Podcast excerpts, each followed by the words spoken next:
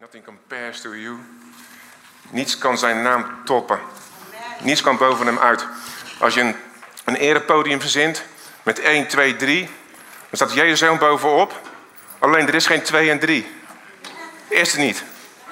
Je hebt alleen nummer 1. En dat is Jezus. En als we die in ons leven ook die nummer 1 zetten. En als we die 2 en 3, als we die nou eens afzagen. Als we die nou eens wegdoen. Als we daar niet telkens naar teruggrijpen. Dan grijpen we ook niet telkens naar verlies. Dan grijpen we ook niet telkens naar lijden. Dan grijpen we ook niet telkens naar ongeloof, naar twijfel. Alleen grijpen naar de nummer 1. En dat is Jezus. Hij heeft het gedaan. Er is niets anders. Zonder Jezus ben jij niks. Zonder Jezus ben ik niks. En we zien het aan de resultaten als we zonder hem gaan. Dat wordt niks, wat Ellen zei. En met hem is niets onmogelijk. Naam boven alle namen. Jezus is jouw alles, is mijn alles. En wij zijn zijn gemeente. En hij is hier. Deze morgen gaat hij jullie aanraken. Je mag verwachten. Je mag openbaring ontvangen in je leven. Op welk punt je dan ook maar nodig, dat nodig hebt. En je mag verwachten deze morgen. Niet van mij, niet van de worship.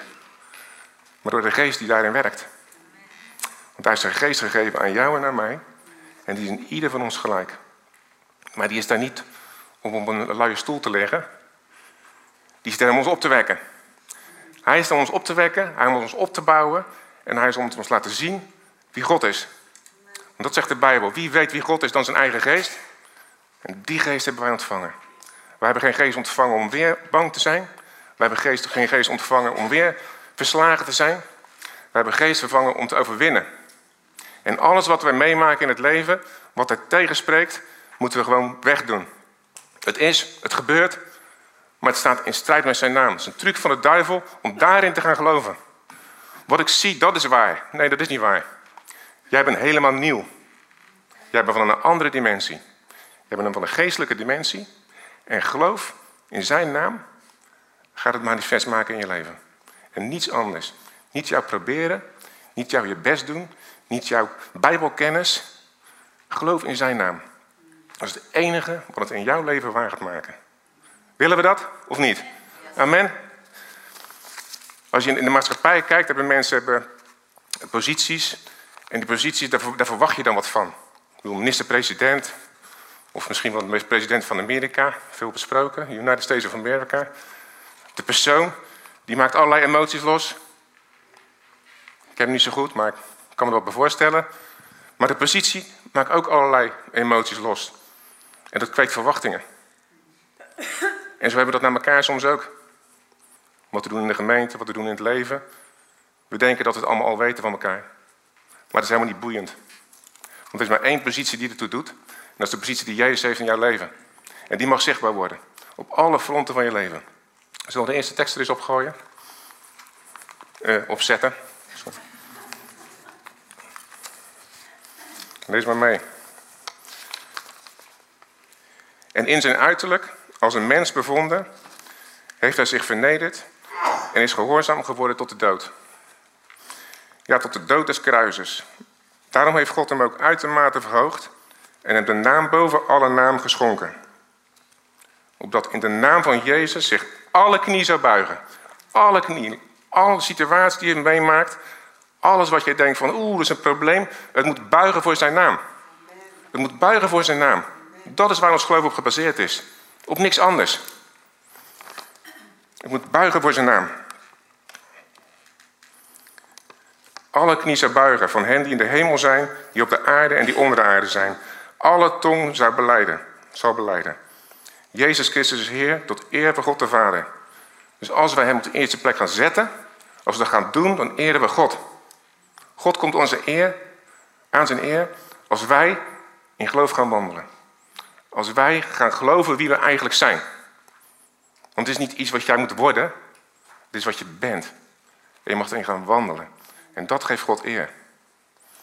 Volgende tekst maar op. Hebreeën 1. Deze de zoon, de afstraling zijner heerlijkheid en de afdruk van zijn wezen, die alle dingen draagt door het woord zijner kracht, heeft na de reiniging de zonde tot stand gebracht te hebben, zich gezet aan de rechterhand van de majesteit in de hoge. Zoveel machtiger geworden dan de engelen, als hij uitnemende naam boven hen als erfdeel heeft ontvangen. Wij zijn mede erfgenamen daarvan, hè? Wisten jullie dat? Wie wist het wel? Oh, helemaal gaaf. Wij zijn erfgenamen. Wij zijn erfgenamen, wij delen mee in zijn overwinning. Hebben we net al gezongen. He has overcome. He has won the victory. Heeft hij voor jou en mij gedaan. En hij tilt ons naar die positie op. Hij tilt ons uit je ellende. Het is soms een keuze om eruit te stappen. Het is soms een keuze om te denken, wacht even. Ik heb een God die goed voor mij is. Ik heb een God die mij vrijgesproken heeft. Ik heb een God die geleden heeft van mij. Maar de Bijbel zegt van dat zijn striemen jouw genezing zijn. En ik zie allerlei dingen om me heen die daar niet meer stroken. Wat denk je dan? En wat zeg je dan tegen elkaar? Maak Jezus groot in die situaties. Maak Jezus groot in de situaties. Ga niet je situatie groot maken. Als wij, hoe vaker wij over situaties praten, hoe groter ze worden, zelfs al zijn ze klein. We maken ze groot door erover te praten. We moeten over Jezus praten. En dan gaan die situaties weg. En dat is geloof. Dat is geloof manifest in je leven. Geloof dat tastbaar wordt in je leven. Genezing die tastbaar wordt in je leven. Hij heeft gegeven. Al gegeven aan het kruis. Het is volbracht. Het is niet volbracht en er moet nog een stukje komen. Het is volbracht en jij mag erin gaan bewegen. Het is een eer om hier te zijn. Mis je dat? Dat zou ik me vanochtend realiseren. Het is een eer om in zijn dienst te komen. Het is een eer om als zijn instrument gebruikt te worden. Beseffen we dat? Oh, we gaan naar de kerk, Jezus misschien ook wel. Het is een eer. Het draait allemaal om hem, het draait niet om jou en mij, het draait om hem. We maken onszelf belangrijk, moeten we niet doen. Het gaat om hem. Hij komt op de eerste plaats. Op de allereerste plaats. Er is maar één plek en hij vult hem in, niet jij. En dat mogen we gaan leren, dat mogen we gaan doen. Stem je gevoelens af op zijn naam. Stem je gevoelens af op zijn waarheid, niet op jouw waarheid. Niet op de wereldse waarheden.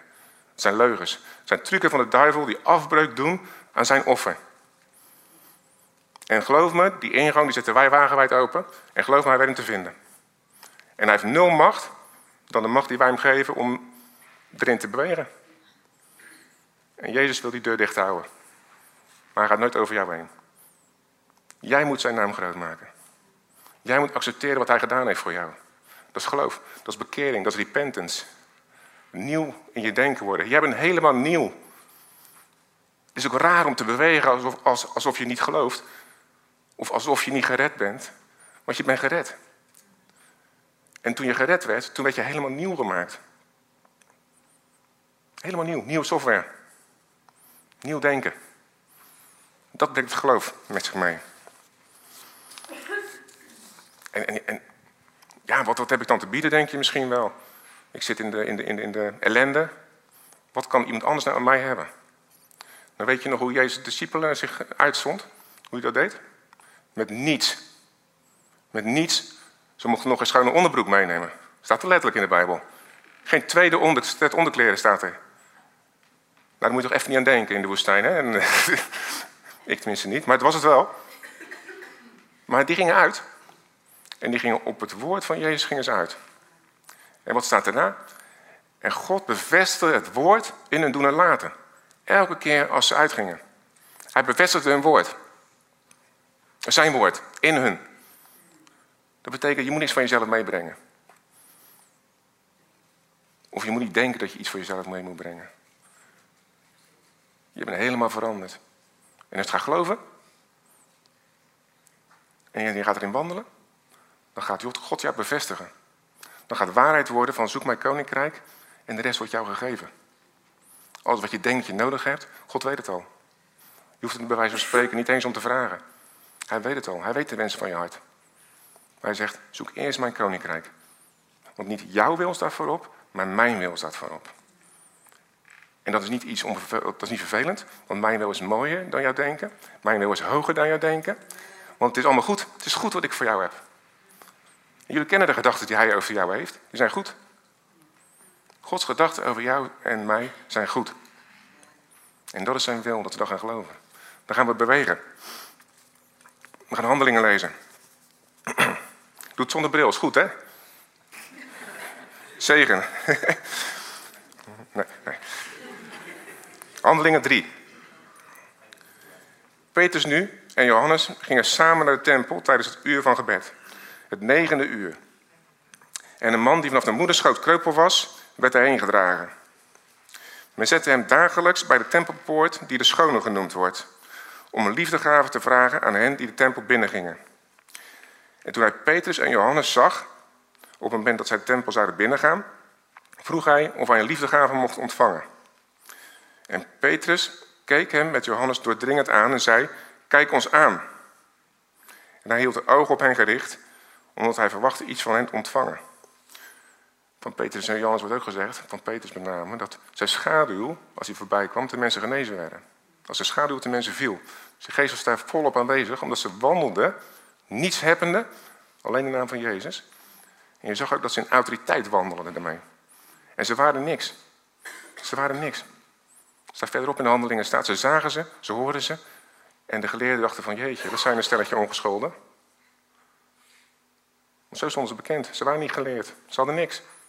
Hadden alleen het woord van Jezus. En daar gingen ze. En daar spraken ze die man aan. Op een manier dat het heel duidelijk was dat, ze, dat hij wat ging ontvangen. En die man die dacht echt niet dat hij op dat moment dat hij eh, opgetild zou worden. Want hij zat daar voor een liefdeoffer, voor een aalmoes zat hij daar. Voor geld. Misschien een brood. Maar Jezus gaf hem iets veel mooiers.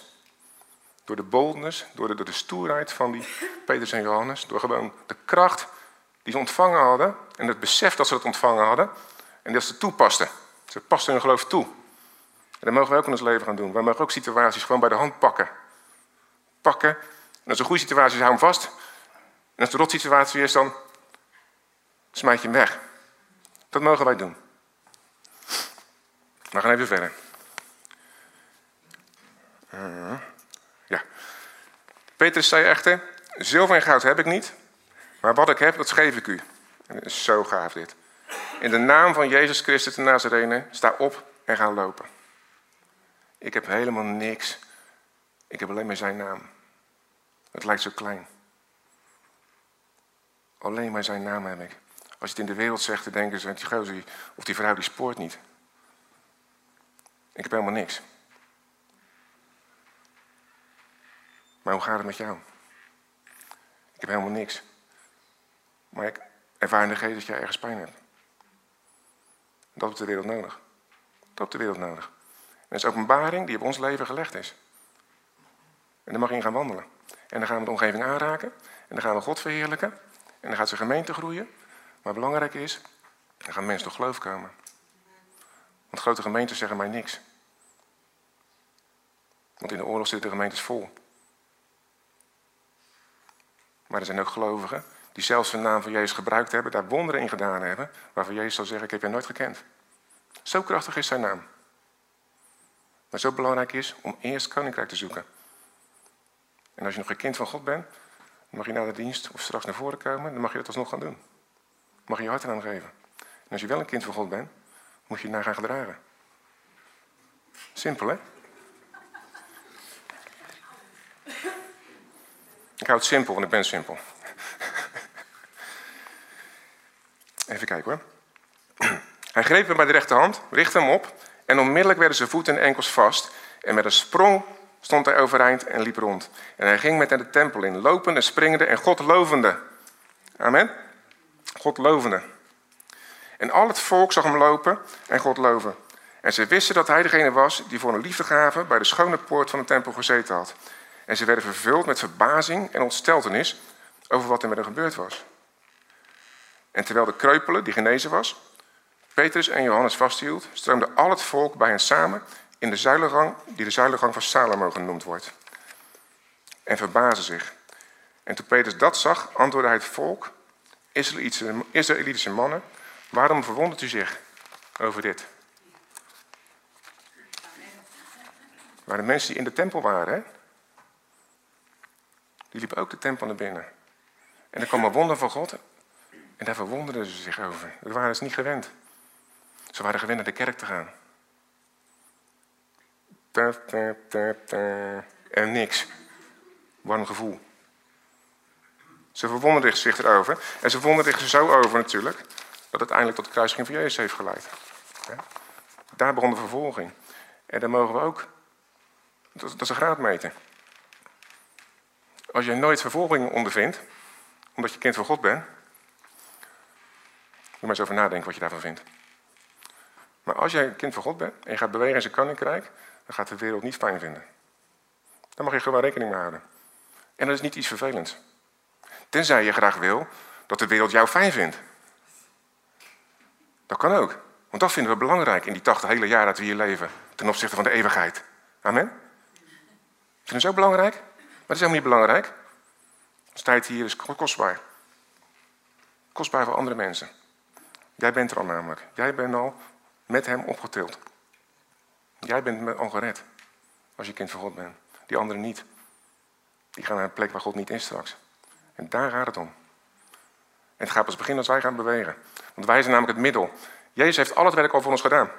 Wij hoeven alleen maar die geest te laten bewegen in ons leven. En het hoeft niet met indringende en zwaarwegende teksten. Jij moet de geest in je laten werken en luisteren naar je hart daarin. En vertrouwen dat wat jij in je hart krijgt, dat het van Jezus is. Want je bent een nieuwe schepping. En als dat je, je, je, je, basisgedachte gaat worden, dan ga je vertrouwen op dat wat je krijgt, dat ook voor God is. En dat is een leerweg. Dat is een leerweg. En dat geeft helemaal niks.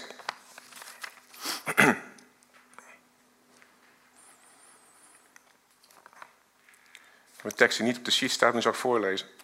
Romeinen 11, vers 17. Als nu enige van de takken afgerukt zijn, die een, olijf, die een wilde. Eh, sorry. Als nu enige van die takken afgerukt zijn en u, die een wilde olijfboom bent, in plaats bent geënt en mede deel hebt gekregen aan de wortel en de vettigheid van de olijfboom. En dan gaat de tekst verder. Maar het gaat over het volk Israël, maar ook de takken die Jezus niet geloven, die zijn uitgerukt. Die zullen later weer teruggeplant worden in die olijfboom. Maar wij zijn de wilde ent die daar ingeplant is. Wij maken dus deel uit van de belofte van het, van het volk van God. Wij zijn onderdeel van het volk van God geworden. De muur is geslecht, zegt de Bijbel ook. Hij heeft er twee één gemaakt. De twee volken zijn één geworden. Wij zijn het geestelijke uh, Joodse volk. Wij zijn ingeënt in die olijfboom. En we maken deel uit ervan. En die sappen van die olijfboom, die stromen ook door ons heen. Wij hebben die kracht. Die kracht is in jou. Dat is bijzonder, hè? En dat is niet op jouw prestatie, dat is op basis van je geloof. Op basis van je geloof ben je ingeënt. Dus als je nog denkt van ja, maar um, uh, ik doe dingen wel eens verkeerd. En, en dan ga je weer, hè, heb je focus op nummer 2 en 3, die je belangrijk maakt. Terwijl er maar nummer 1 is, en dat is Jezus. Dat hadden we afgesproken vanochtend, hè? Afgesproken, hè? Gaan we niet meer veranderen, hè? Jezus is de eerste plek. Nummer 2 en 3, 4, 5, niet belangrijk. Weet je wat het is? Nummer 2, 3, 5, dat is vlees, zoals we in het christelijke wereldje zeggen. Dat is eigen ik. Dat ik vind dat belangrijk. Het gaat niet wat jij belangrijk vindt, het gaat wat Jezus belangrijk vindt. Daar gaat het om. En dat onderscheid, dus hoe meer je op de focus van 2 en 3, 4, 5, 6 tot weet je hoe ver, hoe meer je daar focust, hoe meer dat waarheid wordt en hoe vager de waarheid van Jezus wordt. Terwijl de waarheid van Jezus heel simpel is. Gaat en maak de discipelen tot mijn, uh, de volgende tot mijn discipelen. Verkondig het woord. Of doe wat in jou is, wat ik, wat ik in jou gelegd heb. Ga dat vertellen aan de mensen. En natuurlijk mag dat met bijbelteksten. Maar dat gaat de geest jou vertellen wat wijsheid daarin is. Want de geest, de Bijbel zegt van je hebt niet nodig dat iemand je onderwijst. En dat niet alleen op, op bijbelkennis. Dat, hij geeft je raad in situaties. Jij voelt in situaties, in de geest, wat goed is om te doen. Jij voelt in situaties of dit is het moment. En ik ervaar nu in de geest, op dit moment, dat het voor jullie, in ieder geval voor een aantal van jullie, het moment is. Dit is het moment om een keer in je leven te maken. Om te zeggen, ik ga ervoor. Om schichtig om elkaar heen kijken. Bij jou, bij jou, bij jou. Dan ga je op nummer 2 en 3 letten. Niet belangrijk, het gaat om jou nou. Jezus spreekt jou persoonlijk aan. Ik ben jouw redder. Ik ben jouw verlosser. En vandaag mag jij van mij kiezen. En dan ga ik de rechtmatige plaats die ik heb, ga ik innemen in je leven. Ik heb hem al. Maar ik kan het pas innemen als diegene die op één staat, weg is. Want dan pas kan ik er gaan staan. En dan gaat de geest door je lichaam en die gaat genezing geven. Op dit moment ontvangt iemand genezing in zijn lichaam. In Jezus' naam. Mag straks getuigen als je wil. Op dit moment ontvangt iemand genezing. In Jezus' naam.